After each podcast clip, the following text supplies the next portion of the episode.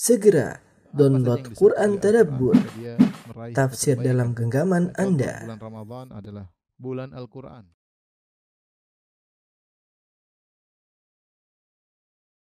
Bismillahirrahmanirrahim. Assalamualaikum warahmatullahi wabarakatuh. Alhamdulillahi ala ihsanih wa syukru lahu ala taufiqihi wa amtinanih wa asyhadu an la ilaha illallah wahdahu la syarika lahu ta'ziman li sya'nih wa asyhadu anna Muhammadan abduhu wa rasuluhu da'ila ridwanih. Allahumma salli alaihi wa ala alihi wa ashabihi wa ikhwani. Uh, para dokter, para uh, guru besar, para uh, dan juga para pemirsa yang dirahmati oleh Allah Subhanahu wa taala. Uh, pada kesempatan kali ini kita akan bahas dua hadis insyaallah hadis ke-40 dan hadis 41 ya. Uh, hadis 40 uh, tentang bagaimana sikap yang seharusnya kita terhadap dunia, itu hendaknya kita harusnya zuhud kepada dunia. Dan hadis ke-41 tentang bagaimana kita harusnya tunduk kepada uh, Rasulullah sallallahu alaihi wasallam dengan mengalahkan hawa nafsu kita. Adapun hadis ke-40 an Ibni Umar radhiyallahu taala anhuma dari sahabat Ibnu Umar radhiyallahu taala anhuma semoga Allah meridainya dan semoga Allah meridai ayahnya itu Umar bin Khattab. Qala beliau berkata akhadha Rasulullah sallallahu alaihi wasallam bimankibayya Rasulullah SAW memegang kedua pundakku. Rasulullah SAW memegang kedua pundakku. Dan kita tahu Ibnu Umar adalah eh, dari sahabat eh, sahabat-sahabat yang junior ya, sahabat-sahabat junior. Uh, bukan sahabat senior, dia masih sangat muda ketika Nabi SAW berbicara dengan Ibnu Umar menyampaikan hadis ini. Ya. Nabi SAW berkata, Kun fid dunya ka'annaka gharibun au abiru sabil. Jadilah engkau di dunia seakan-akan engkau adalah orang asing atau abiru sabil atau orang yang sedang uh, musafir, sedang hanya uh, numpang lewat ya. Kata Nabi SAW, kun fid dunya ka'annaka gharibun aw abiru sabil. Jadilah kau di dunia seperti orang asing atau orang yang sekedar numpang lewat, orang musafir. Wa kana Ibnu Umar radhiyallahu anhuma yaqul, Ibnu Umar setelah mendengar wasiat Nabi tersebut dia berkata, Idza amsayta fala tantadhir sabah. Jika kau sudah tiba di sore hari, maka jangan tunggu pagi hari. Wa idza asbahta fala tantadhiril masa. Jika kau telah tiba di pagi hari, maka jangan tunggu sore hari. Wa khudh min sihatika lima radik. Gunakanlah masa sehatmu ya sebagai bekal ketika kau bertemu dengan sakitmu. Wa min hayatika limautik dan gunakanlah kehidupanmu sebagai bekal untukmu ketika bertemu dengan kematianmu. Hadis riwayat Al-Imam Al-Bukhari uh, para dokter yang dirahmati Allah Subhanahu wa taala, hadis ini diriwayatkan Ibnu Umar tadi saya singgung bahwa Ibnu Umar adalah salah seorang sahabat junior. Uh, kemudian Nabi SAW ketika memberi nasihat, Nabi memegang kedua pundak. Ini di antara metode Nabi SAW dalam memberikan nasihat dalam rangka syaddul intibah, yaitu agar orang yang diberi nasihat memperhatikan Nabi SAW. Terkadang Nabi dengan menyentuh, ya. terkadang Nabi SAW dengan mengatakan bilangan tertentu, salah satu, ya, tuj, uh, tiga atau sabaatun tujuh, sehingga orang ketika mendengar tiga dia sudah langsung perhatian dan ingin menunggu tiga perkara itu apa saja. Atau dia mengatakan sabatun tujuh, kemudian dia pun menunggu tujuh itu apa saja. Terkadang Nabi SAW memberikan ucapan tertentu sebelumnya, ya. Seperti Rasulullah mengatakan, Ya gulam, wahai sang remaja. Atau uh, Rasulullah mengatakan, Inni uhibbuka fillah, aku mencintai engkau karena Allah. ya. Dan beberapa mukaddimah-mukaddimah yang dilakukan oleh Nabi SAW dalam rangka mencari perhatian dari para uh, para audiens. Ya. Di antara metode Nabi dalam rangka menarik perhatian audiens adalah dengan menyentuh. Di sini Nabi SAW memegang kedua pundak menunjukkan keseriusan Nabi kepada Ibnu Umar. Ibnu Umar sahabat junior, artinya Nabi ketika mengucapkan dia masih masih muda, masih remaja, masih uh, remaja ya. Oleh karena dalam sebagian peperangan kalau tidak salah perang Uhud, Ibnu Umar ditolak tidak boleh ikut perang Uhud karena masih belum balik. Ya, jadi dia adalah sahabat uh, junior. Tetapi nasihat ini berkaitan dengan hakikat kehidupan. Dan ini menunjukkan bahwasanya hakikat uh, kehidupan ini bukan hanya diketahui oleh orang-orang yang sudah tua, yang sudah 40-an, sudah 50-an, yang sebentar lagi akan meninggal dunia. Bahkan ini hendaknya diketahui oleh para remaja. Mereka harus persiapan menghadapi hakikat dunia ini. Nabi berkata, "Kun fid dunya ka'annaka gharibun aw abiru sabil." Jadilah kau di dunia seakan-akan kau gharib, atau seakan-akan engkau adalah orang yang sedang uh, bersafar. Jadi ada dua, terserah pilih yang mana. Ya. Kata Nabi SAW, kun fi dunya, jadilah engkau di dunia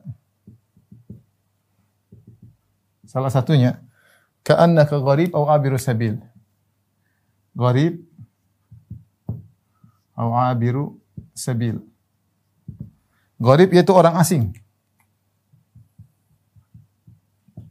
Abir sabil itu yang numpang lewat, numpang lewat. Ya, dalam ini maksudnya musafir ya. Ini dua dua metode dalam menghadapi eh, dunia. Pertama gharib. Apa itu gharib? Gharib maksudnya dia dia iqamah, dia tinggal di tempat tersebut, tetapi dia sebagai orang asing. Misalnya misalnya saya seorang Indonesia kemudian saya tinggal di misalnya di Eropa, berarti saya kan saya orang asing di sana. Saya orang asing di di sana ya. Dalam keterasingan. Ya mungkin bahasa berbeda, orang pun tidak mengenal saya, saya pun tidak mengenal mereka ya. Sehingga orang kalau asing, maksudnya orang asing ketika tinggal di suatu tempat yang dia terasing, dia terasing, dia tidak begitu banyak kenalan, dia tidak nimbrung dalam pembicaraan mereka, dia pun tidak hasad kepada orang yang memiliki rumah-rumah yang mewah. Dia asing di situ kok. Bagi dia, dia ingin segera pergi dari keterasingan tersebut. Dia mungkin di situ, dia bukannya tumpang lewat, dia tinggal di situ, tapi dalam keterasingan. Dalam keterasingan, tidak ada sanak saudara di situ, tidak ada. Ini maksudnya Rasulullah beri gambaran bahwasanya engkau kalau tinggal di, di dunia ini, hendaknya engkau seperti orang uh, orang asing. Orang asing yang tadi dia tidak begitu banyak kenalan, dia tidak terlalu bercengkerama dengan orang sekitarnya karena dia tidak mengenal mereka dan mereka tidak mengenal dia dan dia dianggap asing oleh mereka. Ya. Dia tidak terlalu lihat orang punya kemewahan, dia tidak hasad karena dia tahu ini bukan tempat tinggalnya. Yang penting bagi dia bagaimana saya bisa meninggalkan keterasingan ini. Suatu hari saya harus pergi dari tempat tempat ini. Jadi ini pilihan pertama ketika engkau tinggal di dunia, ya jadilah engkau seperti orang orang asing yang cita-citanya hanyalah bagaimana bisa meninggalkan tempat tersebut untuk menuju ke kampung halaman yang sesungguhnya. Karena dunia kita memang kita ini hidup ini cuma sebentar. Kampung halaman sesungguhnya adalah di di akhirat. Maka jangan terpedaya ya. Konsekuensi dari seorang asing itu tidak ya tidak terlalu sibuk dengan urusan dunia, tidak terlalu apa tidak hasad dengan orang yang memiliki harta yang banyak enggak. Yang kedua, abirus sabil. Hanya sekedar orang yang numpang lewat.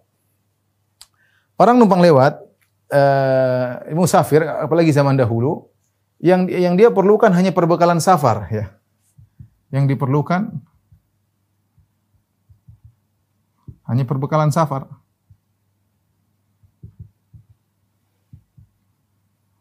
Terlalu banyak bekal, hanya memperlambat perjalanannya, ya. Hanya memperlambat perjalanannya.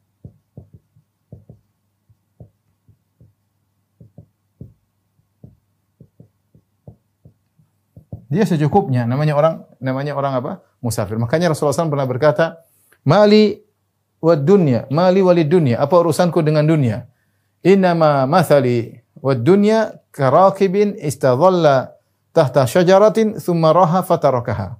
Apa urusanku dengan dunia? Perumpamaan aku dengan dunia seperti seorang yang pengembara atau seorang musafir yang istirahat sebentar di bawah sebuah pohon kemudian ini meninggalkan pohon tersebut. Ya. Jadi Rasulullah menggambarkan dunia itu seperti pohon tempat istirahat sebentar. Ya, Rasulullah SAW menggambarkan pohon itu seperti uh, dunia, dunia seperti pohon yang tempat istirahat. Sementara kita ini seperti musafir yang cuma lewat sebentar kemudian ditinggalkan. Ya. Dia tidak mungkin menjadikan pohon tersebut sebagai tempat tinggal. Bukan tempat tinggal sini, cuma cuma tempat istirahat sebentar. Ya. Dan dia dia hanya membawa bekal bekal sedikit, ya. Karena dia akan melanjutkan perjalanan. Kalau ontanya dia penuhi dengan perbekalan, dia nggak akan sampai-sampai dan safarnya akan terlambat dan seterusnya. Ya, ini apa namanya eh, gambaran yang menunjukkan bahwasanya itulah hakikat dunia. Bagaimana sikap kita dalam menghadapi uh, menghadapi uh, dunia ya.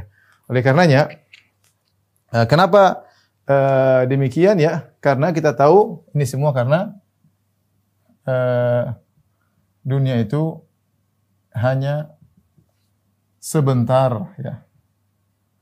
Sementara sedikit ya. Tidak tidak kekal ya. Terlalu banyak dalil yang menunjukkan akan hal uh, hal tersebut. Allah Subhanahu wa taala misalnya berfirman tentang dunia kata Allah mataun qalil kesenangan yang sebentar kesenangan yang sedikit ini Allah bicara tentang dunia ya fama mataul hayatid dunya fil akhirati illa qalil fama mataul hayatid dunya fil akhirati illa qalil Kata Allah tidaklah ya dunia itu dibanding akhirat kecuali sedikit. Kecuali hanya sedikit. Bayangkan kata Nabi sallallahu alaihi wasallam rakaat al-fajr khairu min dunya wa fiha. Dua rakaat sebelum subuh lebih baik pada dunia dan seisinya. Artinya Dunia dua rakaat sebelum subuh kita kerjakan mungkin dua menit, tiga menit. Ternyata pahala yang Allah siapkan lebih baik daripada dunia dan seisinya. Menunjukkan dunia itu hanya hanyalah uh, sedikit. Kemudian dunia itu bukan darul qarar, bukan tempat yang menetap ya. Seperti perkataan dari mukmin Ali Fir'aun, seorang yang masuk yang beriman kepada Nabi Musa dari keluarga Fir'aun yaktumu imanahu yang dia menyembunyikan imannya dia berkata ya qaumi innama hadhil hayatud dunya mata' Wa innal akhirata hiya darul qarar. Ya. Ya qaumi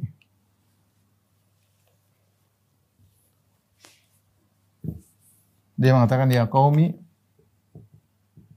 innama hadhil hayatid dunya mata. Wa inna al-akhirata hiya darul qarar. Ketahui bahwasanya kehidupan dunia ini hanyalah kesenangan sementara. Wa innal akhirata hiya darul qarar. Akhirat itulah tempat yang sesungguhnya. Akhirat tempat menetap. Tempat eh, menetap ya. Dan ayat-ayat semacam ini sangat banyak ya para dokter yang dirahmati oleh Subhanahu wa taala ya. Menjelaskan seperti firman Allah Subhanahu wa taala dunia itu sangat cepat kata kata Allah Subhanahu wa taala wadribu wadribu lahum mathalal hayatid dunya kama in anzalnahu minas sama'i fakhtalata bihi nabatul ardi fa asbaha shiman tadruhu riyah Berilah perumpamaan kepada mereka tentang dunia ini seperti air hujan yang turun dari langit kemudian basah itu tumbuhan menjadi hijau tiba-tiba menjadi kering dan ditiup oleh angin. Cepat dari hijau menjadi kering cepat. Ya. Kata Allah Subhanahu wa taala, I'lamu annamal hayatud dunya la'ibu wa lahu wa zinatu wa tafakhurun bainakum wa takathurun fil amwali wal aulad kama thali ghaithin a'jabal kuffara nabatuhu thumma yahiju fatarahu musfarran thumma yakunu hutama. Ketahuilah kehidupan ini hanyalah permainan, senda gurau, saling bangga-banggaan, saling banyak-banyakan. Ya. Uh, fil amwali wal aulad, banyak-banyak harta, banyak-banyakan anak, ya. Tapi perempuan dunia seperti apa? Kama thali ghaithin a'jabal kuffara nabatuhu. Air hujan yang turun kemudian menumbuhkan tumbuhan yang menyenangkan orang yang melihatnya Thumma yahiju kemudian tiba-tiba kering. Fatarahu musfarra kemudian menjadi kuning. Thumma yakunu hutama kemudian jadi hancur lebur ditiup oleh angin. Cepat. Dunia itu cepat, cepat. Kemudian juga seperti Allah mengabarkan cepatkan dunia Allah mengatakan wala tamuddanna ainaika ila ma mata'na bi azwajin minhum zahratal hayatid dunya linaftinahum fi. Janganlah kau panjangkan kedua pandanganmu kepada kenikmatan dunia yang kami berikan kepada orang-orang tersebut. Zahratal hayatid dunya. Allah menamakan keindahan dunia dengan zahrah yaitu mawar kehidupan dunia. Bunga mawar indah warna-warni. Lihat bunga warna, bunga mawar warna-warni ada putih, ada merah, ada jingga, ada uh, pink dengan berbagai macam warnanya, kemudian aroma yang sangat indah. Tapi kalau kita petik bunga mawar tersebut cepat sekali layu. Tidak lama mawar atau melati, tidak lama kemudian menjadi layu. Demikianlah dunia. Makanya tidak tidaklah disebut dengan dunia. Dunia itu secara bahasa Arab dari ad-dunya dari ad-dunu. Ya. Ad-dunu artinya dekat. Ada yang mengatakan dari dana'ah. Artinya hina, ya rendah. Sehingga seorang mendengar kata dunia saja harusnya dia sadar dunia itu dekat dan rendah. Tidak ada bandingan dengan uh, dengan akhirat. Ini hadis kata para ulama hadis ini, hadis uh, Ibnu Umar radhiyallahu taala anhuma mengajarkan kepada kita untuk kisarul amal. Ini mengajarkan kepada kita untuk faedah utama utama hadis adalah kisarul amal. memendekkan angan-angan. Jangan terlalu panjang angan-angan. Orang-orang banyak terpedaya dengan angan-angan. Karena angan-angan tidak ada tidak ada putusnya. Ingin ini ingin anu ingin ini. Tiba-tiba game over. Tiba-tiba waktu selesai. Tidak cukup untuk kita sampai pada angan-angan tersebut. Ya. Dengan kita tahu bahwasanya kita hidup cuma sebentar maka angan-angan kita jangan terlalu dalam. Maksudnya angan-angan terhadap dunia. Jangan terlalu tinggi. Angan-angan terlalu tinggi. Karena tidak apa tidak uh, tidak umur kita tidak mencukupi. Umur kita tidak mencukupi untuk mengejar seluruh angan-angan kita. Kita boleh punya angan-angan tapi jangan terlalu jauh, jangan terlalu panjang. Ya. Ya. Subhanallah, sebagian orang misalnya akan punya ingin punya istana, ingin punya, dia bangun bangun bangun bangun sebab dia nikmati sebentar kemudian dia meninggal dunia. Terkadang ya dia membangun bangunan yang mewah, bukan dia yang tempat yang tempat dia orang lain. Belum sempat dia tempati sudah meninggal. Terjadi banyak seperti itu. Dia bangun bangunan belum tempat, belum sempat dia tempati, dia sudah meninggal dan ditempati oleh oleh orang lain. Kenapa kita harus memendekkan angan-angan kita? Karena kita tidak tahu kapan ajal menjemput ajal dijadikan gaib bagi kita. Nah, seorang kalau tidak tahu kapan ajalnya datang, makanya dia senantiasa bersiap-siap untuk eh, menanti kedatangan ajal tersebut. Karena kita nggak tahu siapa dia. Kalau kita tahu kapan kita meninggal, kita bisa memanage dengan dengan baik ya. Tapi kita nggak tahu kapan kita dipanggil oleh Allah Subhanahu wa taala. Oleh karena seorang yang terlalu banyak angan-angan ya dan ini juga mengajarkan kepada kita untuk zuhud dalam dunia. Ambillah dunia secukupnya, jangan masukkan di hati, pegang di tangan, digunakan untuk keperluan akhirat. Anda kalau diberi harta banyak oleh Allah Subhanahu gunakan. Ya, jangan bawa, jangan bawa banyak dunia ini. Sudah, sumbangkan, sedekahkan, berikan kepada orang yang membutuhkan, ya. Ya. Kalau diberi kelebihan oleh Allah dalam urusan dunia, maka pergunakan dunia tersebut untuk untuk akhirat. Sehingga ketika uh, Ibnu Umar mendapatkan mendapatkan nasihat dari Nabi SAW, maka Ibnu Umar menyimpulkan. Ibnu Umar menyimpulkan, kesimpulan Ibnu Umar. Dia mengatakan apa? Idza asbahta fala tantadir sabah al-masa. Idza asbahta fala tantadiril masa. Jika di pagi hari jangan tunggu sore. Untuk apa? Artinya kalau beramal jangan tunda-tunda. Ya, kemudian wa idza amsayta fala tantazir. Jika di sore hari jangan tunggu pagi. Kemudian uh, kata beliau wa khudh ya. Kalau begitu gunakan kesempatan ya. Beliau berkata juga wa khudh min sihatika lima rodik. Ya, manfaatkan sehat. Waktu sehat. Sebelum sebelum sakit. Kemudian wahayatik qabla mautik. Hidupmu sebelum matimu. Ini kesimpulan Ibnu Umar radhiyallahu taala anhuma. Intinya intinya gunakan kesempatan sebelum hilang, ya. Gunakan kesempatan sebelum luput Karena kita tidak tahu kapan kita dipanggil Allah Subhanahu wa taala. Saya sering sampaikan pada kawan-kawan, peristiwa corona ini, pandemi ini membuat pelajaran banyak bagi kita. Kita melihat seorang pemuda, kita sangka dia hidup lama, ternyata tiba-tiba kena corona meninggal dunia. Melihat orang kaya dengan kekayaan yang begitu banyak. Ternyata ketika kena corona meninggal dunia. Ya, dan kalau kita tidak mati dengan corona, kita akan meninggal dengan yang lainnya. Ya, malam yat, malam yamut bisayf, ya. Mata bi ghairihi. Siapa yang tidak meninggal dengan pedang, maka dia akan mati dengan selain pedang. Ta'addadatil asbabu wal mautu wahid. Sebab-sebab kematian banyak. Dan semuanya mengatakan pada satu titik sama-sama mati. Entah dengan penyakit, entah dengan pedang, entah dengan kecelakaan, entah dibunuh orang, entah dengan macam-macam ya. ya. Apalagi di antara tanda-tanda hari kiamat adalah mautul faj'ah. Kematian yang datang dengan tiba-tiba. Banyak kita kemarin masih mendengar dia berbicara tiba-tiba hari ini sudah sudah meninggal meninggal dunia. Oleh karenanya gunakan kesempatan uh, sebelum luput. Ya. Kalau sudah pagi hari jangan tunda lagi sore hari. Kalau kita tunda, ya, kalau kita tunda perhatikan, jika tunda maka bisa jadi kita meninggal. Ya, kita mau tunda amal nanti sore. Tahu sebelum sore kita sudah meninggal dunia. Atau kita hidup tapi ada halangan. Kita mau tunda sore tahu, tahu sore ada halangan ternyata harus safar terasa ini sehingga pekerjaan kita amal yang mau kita kerjakan, amal sore yang mau kita kerjakan tertunda tidak terjadi. Karena bisa jadi kita meninggal atau ada halangan dan bisa jadi tidak ada halangan. Tapi semangat kita hilang. Semangat pudar ini sangat mungkin terjadi. Ingin bersedekah nanti aja. Nanti sore. Sore udah nggak semangat lagi.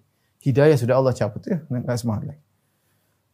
Makanya kapan ada kesempatan ber, ber, beramal soleh ikhwan, semangat, jangan tunda-tunda. Hidup kita ini cuma sebentar. Ya. Makanya Rasulullah SAW mengatakan, Iktanimu khamsan qabla khamsin. Manfaatkanlah lima perkara sebelum datang lima perkara. Di antaranya kata Nabi SAW, sehat qabla saqamik, sehatmu sebelum kau sakit. Kalau sehat, semangat kita. Beribadah dengan semangat, kita enjoy, kita nikmati ibadah kita dalam waktu dalam masa sehat. Nanti kalau sudah sakit kita sholat juga susah, baca Quran juga berat, ya, sholat malam juga susah, mau puasa nggak bisa. Mumpung masih sehat, nikmati ibadah dalam masa sehat tersebut. Sehat aku qabla sakomik. Sehatmu sebelum sakitmu. Syababaka qabla haromik. Masa mudamu sebelum tuamu. Udah masih muda semangat, masih bisa ke sana kemari, safar ke sana kemari, masih bisa aktivitas masih bisa iktikaf, masih sudah tua sudah susah kadang-kadang. Urusan banyak, anak-anak banyak, istri nuntut ini, pengin ini, pengin anu ya, banyak urusan pekerjaan nggak bisa ditinggal, banyak. Ya, masa mudamu sebelum masa uh, masa tua. Faragaka qabla syughlik kata Nabi masa longgarmu yaitu apa namanya waktu senggangmu ya sebelum datang kesibukan. Kita punya waktu senggang. Saya rasa saya juga punya waktu senggang. Saya rasa para dokter sibuk apa pun juga punya waktu senggang. Waktu senggang kita gunakan untuk beribadah kepada Allah Subhanahu Wa Taala. Akan datang waktu kita sangat sibuk, sibuk, sibuk dengan dunia. Kita nggak sempat mau ini, mau ini, mau anu nggak sempat. Tersibukkan dengan berbagai jadwal yang begitu padat. Ya. Mumpung masih ada waktu senggang, gunakan waktu. Ya, akhir modal kita untuk bertemu di alam barzah. Kita harus punya modal banyak masuk dalam alam uh, alam barzah. Ya. Jadi uh, kemudian kata Nabi SAW, Ghinaka qabla fakrik masa kecukupanmu sebelum masa sulitmu. Masih punya duit sedekah. Nanti kalau punya duit gimana? Sekarang punya duit banyak lupa untuk sedekah. Udah miskin nggak bisa sedekah. Mumpung masih punya duit, maka gunakan. Hayataka qabla mautik. Mumpung masih hidup sebelum kau mati. Begitu meninggal, selesai game over. Sudah nggak bisa beramal beramal soleh. Intinya, para dokter yang mati Allah saya menasihati saya pribadi dan juga kepada antum sekalian, waktu jangan disepelekan. Ini semua berkaitan dengan memanfaatkan apa? Waktu. Kita hidup di zaman sekarang yang kita buang-buang waktu. Ibnu Umar mengatakan kesimpulannya kalau Anda menyikapi dunia sebagai orang asing atau sebagai orang yang numpang lewat, maka jangan jangan buang-buang waktu, jangan buang-buang umur. Umur itu adalah bekal modal kita untuk bertemu dengan Allah Subhanahu wa taala. Jangan kita buang sembarangan. Kita hidup di zaman zaman internet, zaman medsos, jangan kita sebagai orang pingin tahu, pingin komentar, ingin menganalisa. Yang itu membuang kita menghabiskan waktu banyak. Baca analisa orang, baca analisa sendiri, menyampaikan pemikiran orang, komentar, kita balas komentar. Ya kalau penting nggak ada masalah. Tapi banyak yang kita komentar nggak penting. Banyak yang kita dengar nggak penting. Banyak yang kita lihat nggak penting buat kita. Sehingga kita sama saja buang-buang umur kita. Seakan-akan kita masih panjang umur. Jangan kita panjang kita nggak tahu kapan dipanggil oleh Allah Subhanahu wa taala. Inti daripada daripada hadis ini hadis Ibnu Umar radhiyallahu taala bahwasanya seorang ya, di dunia ini ya secukupnya ya. Jangan terlalu banyak kemewahan ya. Dia kalau ada perlu nggak ada masalah. Dia punya mobil dua tiga boleh. Yang penting dia perlu. Ya, kalau nggak perlu jangan. Nggak, nggak perlu koleksi mobil nggak perlu nggak perlu. Mau diakui sama orang buat apa ya? Nggak perlu punya rumah sampai banyak banyak ngapain. Seperlunya dia perlu buat anak-anak. Dia punya oke okay. ya. Maksudnya tidak tidak perlu berlebih-lebihan. Punya tas ibu-ibu jangan terlalu banyak. Tas ini tas anu kebanyakan. Hisapnya panjang memperberat perjalanan menuju Allah Subhanahu wa taala.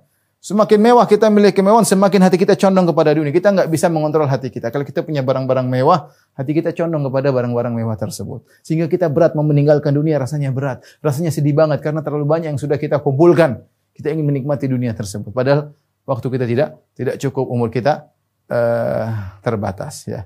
Ini jadi seorang ketika hidup di dunia, dia harus sadar bahwasanya dia kapan saja, tiba-tiba saja, kapan-kapan saja Allah bisa mencabut nyawanya. Betapa banyak orang keluar dari rumahnya, tidak terbetik dalam benaknya. Satu persen pun dia akan meninggal tiba-tiba dipanggil oleh Allah Subhanahu Satu persen pun tidak ter terbetik dalam benaknya. Tiba-tiba dia dipanggil oleh Allah Subhanahu Entah kena stroke, entah kecelakaan, entah serangan jantung. Banyak hal yang bisa membuat orang meninggal. Uh, meninggal dunia. Karenanya sungguh indah perkataan seorang penyair. Dia mengatakan, Inna lillahi ibadan futana. Tallaqad dunya wa khawful fitana. Nadharu fiha Falamma alimu annaha laysat lihayyin watana, ja'aluha lujjatan wattakhadhu sahihal a'mali fiha sufuna. Kata seorang penyair, inna lillahi ibadan futana. Sungguhnya Allah memiliki hamba-hamba yang cerdas. Talaqud dunia wa khawful fitana. Mereka mentalak dunia dan mereka takut dengan fitnah-fitnah dunia. Nadharu fiha. Mereka memandang tentang hakikat dunia. Falamma alimu annaha laysat lihayyin watana. Mereka tahu dunia ini bukan tempat tinggal selamanya, hanya tempat lewat. Ja'aluha lujjatan Wattakhadhu salihal a'mali fiha subuna. Mereka memandang dunia seperti air laut. Ya, lautan yang harus ditempuh dan mereka menjadikan amal soleh mereka sebagai perahu kapal yang menyelamatkan mereka dari ombak dunia tersebut. Karenanya ikhwan dan akhwat yang rahmatillah subhanahu wa taala, saya bukan berarti mengatakan kita buang dunia, tidak. Dunia ini kita perlu. Tapi gunakan untuk akhirat. Kapan kita tidak gunakan dunia untuk akhirat, berarti kita memperberat perjalanan kita menuju Allah, memperberat hisab kita di akhirat kelak. Setiap kita punya dunia niat untuk akhirat. Punya apa saja? Saya punya laptop, saya niatkan untuk akhirat. Saya punya jam, saya niatkan untuk akhirat. Kita latih diri kita sebenarnya. Saya punya rumah, saya niatkan untuk akhirat. Saya punya mobil, saya niatkan untuk akhirat. Kita gunakan. Jadi tidaklah kita membeli sesuatu, tidaklah kita memiliki sesuatu, kita niatkan untuk akhirat. Sehingga yang ada di hati kita adalah akhirat. Bukan apa? Bukan dunia. Adapun sekedar memperbanyak, memperkaya, memperbanyak, terlalu banyak aset, perusahaan di mana-mana. Sehingga sudah pikiran dunia dari satu perusahaan ke perusahaan lain. Ya kalau dia mikir dunia untuk akhirat nggak apa-apa. Dia ingin cari uang sebanyak-banyaknya untuk bangun pondok, untuk uh, membantu fakir miskin. Oke, itu kita yang inginkan. Berarti dunia yang selama ini ditempuh adalah untuk akhirat. Tapi kalau untuk murni dunia, hanya untuk kesenangan dunia, ya apa yang mau dia rasakan? Ntar lagi dia juga meninggal dipanggil Allah Subhanahu wa taala. Allah alam bisawab. Kita lanjutkan hadis berikutnya. Hadis ke 41. Tolong dihapus. An Abi Muhammad Abdullah bin Amr bin Al-As radhiyallahu taala anhuma. Uh, qala qala Rasulullah sallallahu alaihi wasallam Rasulullah sallallahu bersabda La yu'minu ahadukum hatta yakuna hawahu tab'an lima ji'tu bihi. Kata Nabi wasallam tidaklah beriman salah seorang dari kalian sampai hawa nafsunya mengikuti apa yang aku bawa. Sampai hawa nafsunya mengikuti apa yang aku bawa. Hadithun hasanun sahihun. Ruwinahu fi kitabil hujjah bi isnadin sahih. Kata Nawawi ini adalah hadis yang hasan yang sahih. Kami meriwayatkan hadis ini dalam kitab Al-Hujjah dengan sanad yang sahih. Ya. Uh, saya ulangi an Abi Muhammad Abdullah bin Amr bin As radhiyallahu anhuma dari sahabat Abdullah bin Amr bin As. Uh, Amr bin As ayahnya anaknya namanya Abdullah. Makanya Abdullah bin Amr bin As radhiyallahu anhu. Semoga Allah meridhai Abdullah dan meridhai bapaknya Amr bin As. Beliau meriwayatkan hadis bahwasanya Rasulullah SAW bersabda, "La yu'minu ahadukum, tidaklah beriman salah seorang dari kalian hatta yakuna hawahu tab'an lima jitu bihi." Sampai hawa nafsunya mengikuti apa yang aku bawa. Hadis ini disahihkan oleh Al-Imam Nawawi rahimahullahu taala dan beliau mengatakan bi isnadin sahih. Namun banyak ulama mengkritik hadis ini secara sanatnya bermasalah secara sangat bermasalah. Tetapi secara konten, secara makna, maka uh, makna hadis ini adalah makna yang yang benar. Artinya seorang tidak sempurna imannya, ya, sampai hawa nafsunya mengikuti apa yang dia dia bawa. Ya. Nabi sallallahu alaihi wasallam la yu'minu. Ahadukum. Hatta yakunu yakuna hawahu. Tab'an lima jitu bihi.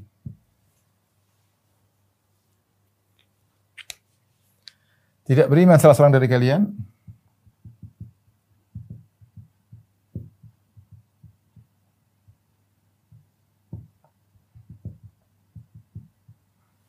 hingga hawa nafsunya mengikuti apa yang aku bawa ya. Hingga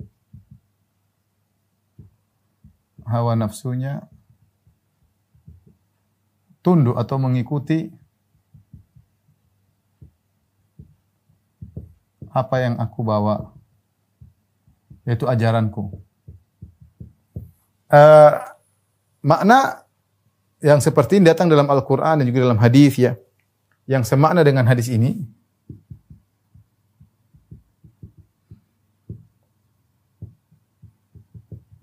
Banyak ya. Di antaranya firman Allah Subhanahu wa taala misalnya. Qala ta'ala Allah berfirman, "Fala wa rabbika la yu'minun hatta yuhaqqimuka fi ma shajara bainahum."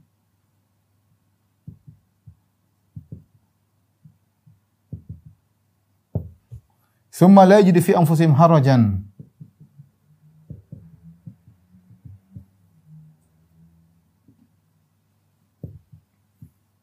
wa yusallimu taslima. Saya artikan ya. Allah berfirman, "Fala wa rabbika demi Rabbmu la yu'minun mereka tidaklah beriman hatta yuhaqqimuka fi ma bainahum sampai mereka menjadikan engkau sebagai hakim atas perselisihan yang ada di antara mereka. Jadi harus menundukkan perselisihan kepada Rasulullah ketika masih hidup sallallahu alaihi wasallam. Kalau sudah meninggal maka hadis-hadis Nabi.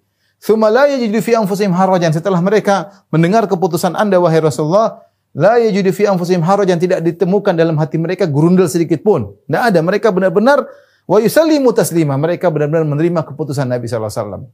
Itu baru dikatakan seorang beriman yang sempurna. Apa pun dia tanya kepada hadis Nabi. Kalau hadisnya seperti itu dia terima. Ini tidak gerundel kenapa begini, kenapa begitu. Dia tunduk. Itu orang yang yang benar-benar uh, sempurna imannya. Demikian dalam hadis dalam ayat yang lain kata Allah Subhanahu wa taala uh, apa namanya? Uh, Innama qaulal mu'minina idza du'u ila Allahi wa rasuli liyahkuma bainahum yaqulu sami'na wa ata'na. Ya. Sungguhnya perkataan orang-orang beriman jika disuruh untuk berhukum dengan Allah dan Rasulnya, mereka berkata sami'na wa ata'na. Kami mendengar dan kami uh, kami taat ya. Ayat semisal ini banyak. Seperti firman Allah Subhanahu wa taala juga dalam surat Al-Ahzab. Allah berfirman, "Wa ma kana lil mu'min wala mu'minah wa ma kana lil mu'minin wala mu'minah idza qadallahu wa rasuluhu amran an yakuna lahum al khiyaratu min amrihim. Kata Allah Subhanahu wa taala tidak pantas bagi seorang mukmin dan tidak pantas bagi seorang mukminah idza qadallahu wa rasul amrun jika Allah dan rasulnya sudah memutuskan satu perkara an yakuna lahumul khiyaratu min amrihim. Kemudian dia punya pilihan lain. Tidak boleh. Tidak pantas untuk punya pilihan lain.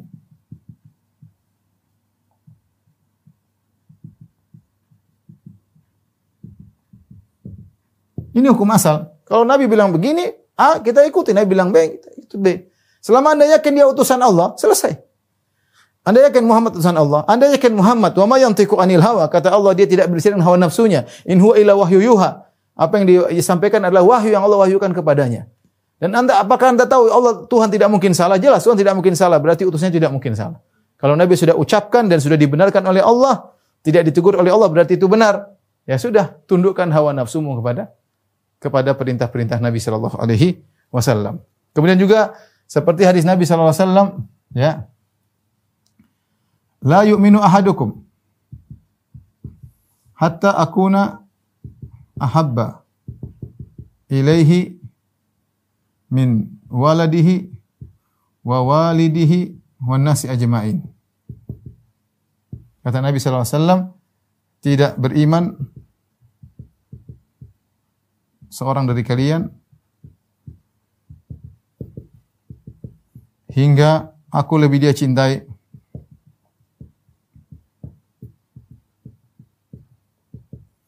dari anaknya, orang tuanya, dan seluruh manusia. Ya. Ini jelas. Kalau Anda cinta kepada Nabi, maka Nabi harus lebih dicintai daripada tidak beriman Anda. Sampai Nabi lebih cinta daripada diri Anda, daripada orang tua, daripada Anda seluruh manusia. Bahkan Allah mengatakan, Kul in kana aba'ukum wa abna'ukum. Kul in kana aba'ukum wa abna'ukum uh, wa azwajukum wa ashiratukum uh, wa ikhwanukum wa azwajukum wa ashiratukum wa amwalun iktaraftumuha wa tijaratun takhshawna kasadaha wa masakinu tardawnaha ahabba ilaikum minallahi wa rasulihi wa jihadin fi sabilihi fata, fatarabbasu hatta ya'ti.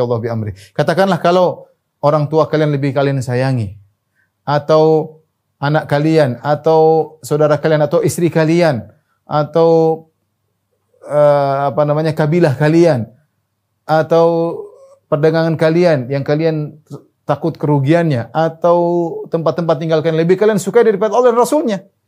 Tunggulah keputusan Allah Subhanahu wa taala. Ya. Maka kita harus mendahulukan Nabi SAW daripada yang selainnya. Ya. Ini menunjukkan bahwasanya tentang sempurnanya iman seseorang. Dan inilah makna kalau kita bilang Raditu billahi rabba wa bil islami dina wa bi Muhammad. Raditu. Aku ridha. Islam sebagai agamaku, Allah sebagai Tuhanku, wa bi Muhammadin ya, nabiyan wa rasula. Aku ridha Muhammad sebagai nabiku. Dianjurkan kita membaca ya Pagi zikir pagi petang di antara zikir ini. Apa ridho Anda Muhammad sebagai nabi Anda? Ridho apa yang dia putuskan Anda terima. Kita dapati sekarang sebagian kaum muslimin menolak hadis-hadis Nabi dengan mudah. Tidak masuk akal lah, tidak sesuai dengan tradisi lah, bertentangan dengan kebiasaan lah, dengan berbagai macam dalih. Seakan-akan yang berbicara bukan Muhammad, Muhammad bukan utusan Tuhan. Apakah Muhammad diutus cuma untuk orang-orang Arab apa seluruh umat manusia? Seluruh manusia. Sehingga mereka ingin menfilter hadis dengan tradisi lah. Ya akhi Islam datang untuk memfilter tradisi, bukan tradisi memfilter Islam. Di zaman Nabi SAW, sudah ada tradisi orang Arab-Arab jahiliyah. Datang Muhammad SAW membawa suatu ajaran baru yang memfilter tradisi tersebut, yang baik dipertahankan. Kebiasaan orang Arab misalnya apa? Jujur, berani, ya, setia kawan. Ini dipertahankan oleh Islam. Kedermawanan, dipertahankan oleh Islam.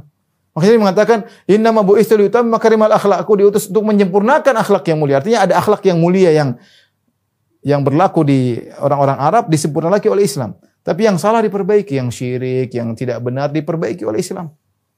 Ya, makanya fenomena menolak hadis ini sangat luar luar biasa dengan berbagai macam dalih. Berbagai dengan akal, dengan logika ya, ya, yang yang ngawur ya. Tapi terjadi.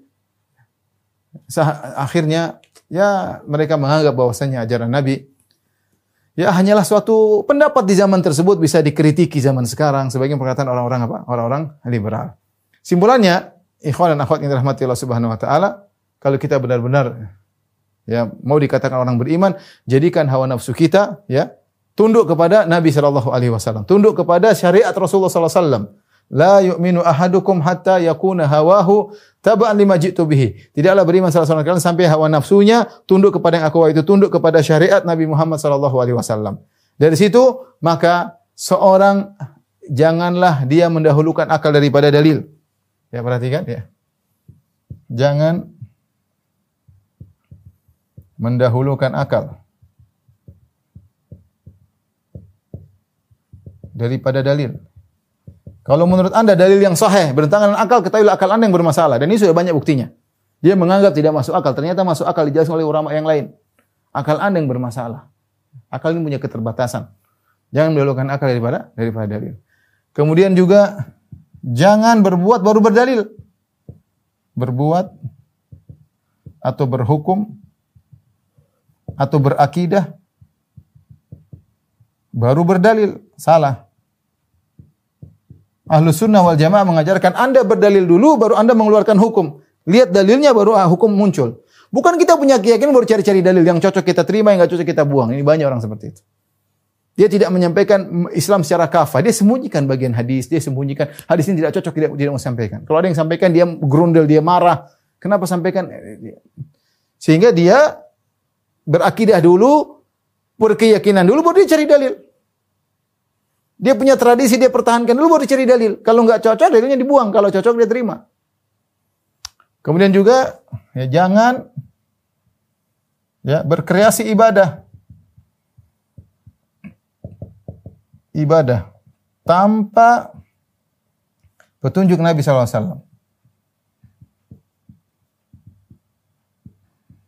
Kalau anda cinta kepada Nabi, anda harus berusaha beribadah sesuai dengan petunjuk Nabi SAW. Allah berfirman, Kul in kuntum tuhibbuna Allah fattabi'uni. Kalau kalian cinta kepada Allah, ikutilah, ikutilah aku. Semakin kita mengikuti sunnah Nabi, menunjukkan kita semakin eh, mencintai Allah dan kita akan dicintai oleh Allah Subhanahu wa taala. Ini konsekuensi logis dari kita menjadikan Muhammad sebagai utusan Allah Subhanahu wa taala.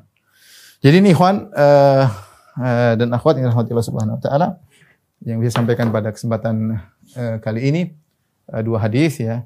Insyaallah masih ada satu hadis terakhir sebagai penutup insyaallah pada pertemuan uh, berikutnya. Demikian uh, apa yang saya sampaikan kepada para dokter. Kurang bisa mohon maaf. Wabillahi taufiq Assalamualaikum warahmatullahi wabarakatuh.